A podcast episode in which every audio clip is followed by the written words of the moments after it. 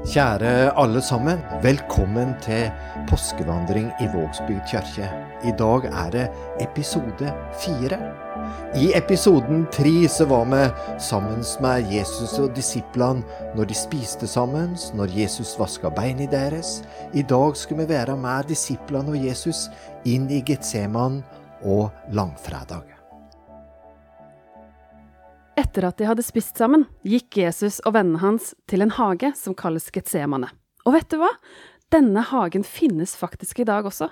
Ja, det står til og med oliventrær der, som er over 2000 år gamle. Tenk det! At akkurat de samme trærne som står der nå, var der da Jesus var der. Og da de kom til Getsemanehagen, var det midt på natta. Jesus ba vennene sine om å være våkne sammen med ham, for han var redd, og han var skikkelig lei seg. Så han gikk litt til siden for seg selv for å be. Han var fortvila, for han visste at han skulle dø. Han ba til Gud om det kunne være en annen løsning.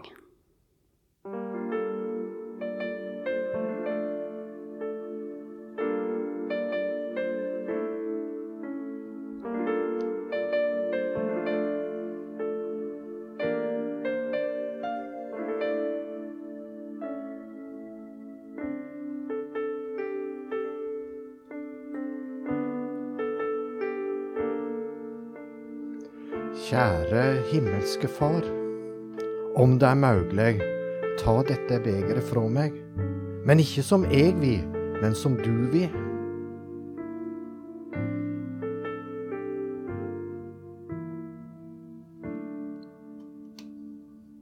Mens Jesus ba, satt vennene hans under et tre i den fine hagen.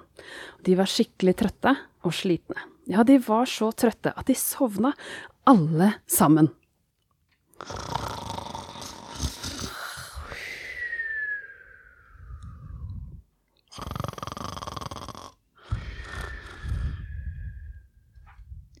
Judas, han som snek seg ut da de spiste, var veldig glad i penger. Han hadde gjort en avtale med øverstepresten Kaifas og Det høye råd om å forråde Jesus, og for det fikk han 30 sølvpenger. Denne natten fortalte Judas dem hvor de kunne finne Jesus, for de ville ta han til fange. Judas gikk så til Getsemanehagen, og han kom sammen med en stor flokk soldater. Soldatene hadde store sverd og stokker. Disiplene våknet og reiste seg fortumla opp.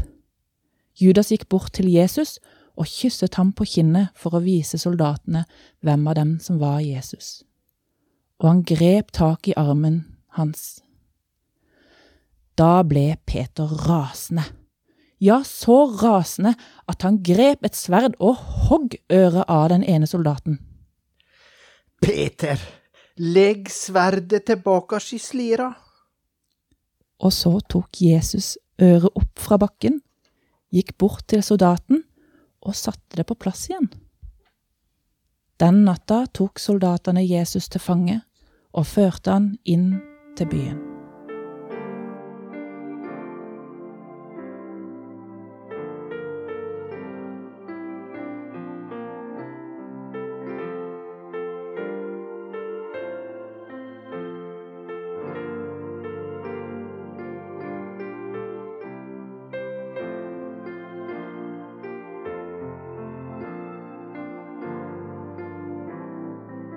Peter gikk da videre til tempelplassen.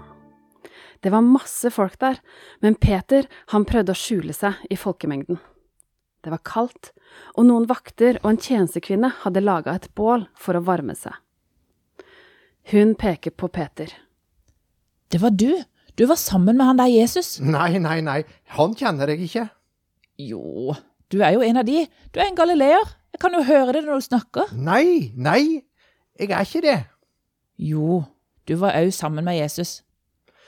Jeg sverger, kors på halsen og kniv i hjertet, jeg kjenner ikke denne mannen de kan snakke om. I det samme gol hanen.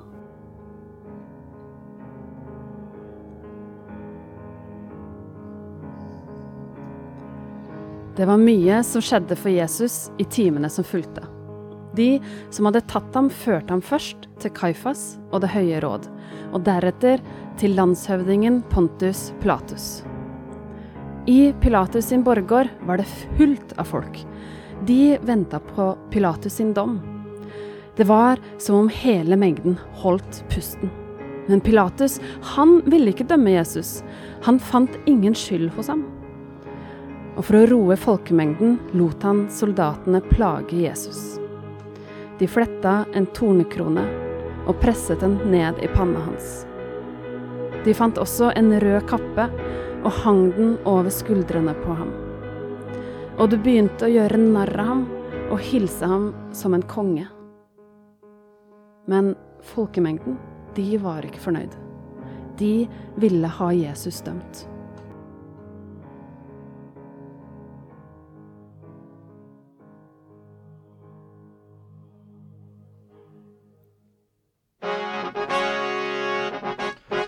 Da kom Pilatus framfor dem. Han stilte Barabbas på den ene sida av seg og Jesus på den andre.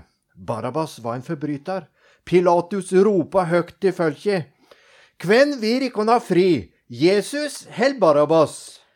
Barabbas! Ja, Barabbas! Men hva har Jesus gjort for noe galt, da? Han sier at han er Gud. Han spotter Gud. Han sier til og med at han er Messias. Ja, hva skal jeg gjøre? Jeg finner ingen skyld. Sånn. Korsfest! Korsfest! Korsfest! Korsfest! Pilatus tok da et fat med vann og vasket hendene sine. Jeg er uskyldig i denne mannens blod. Dette blir dikkons sak. Gjør med han slik dikkon vi. Soldatene grep Jesus og førte ham til Golgata.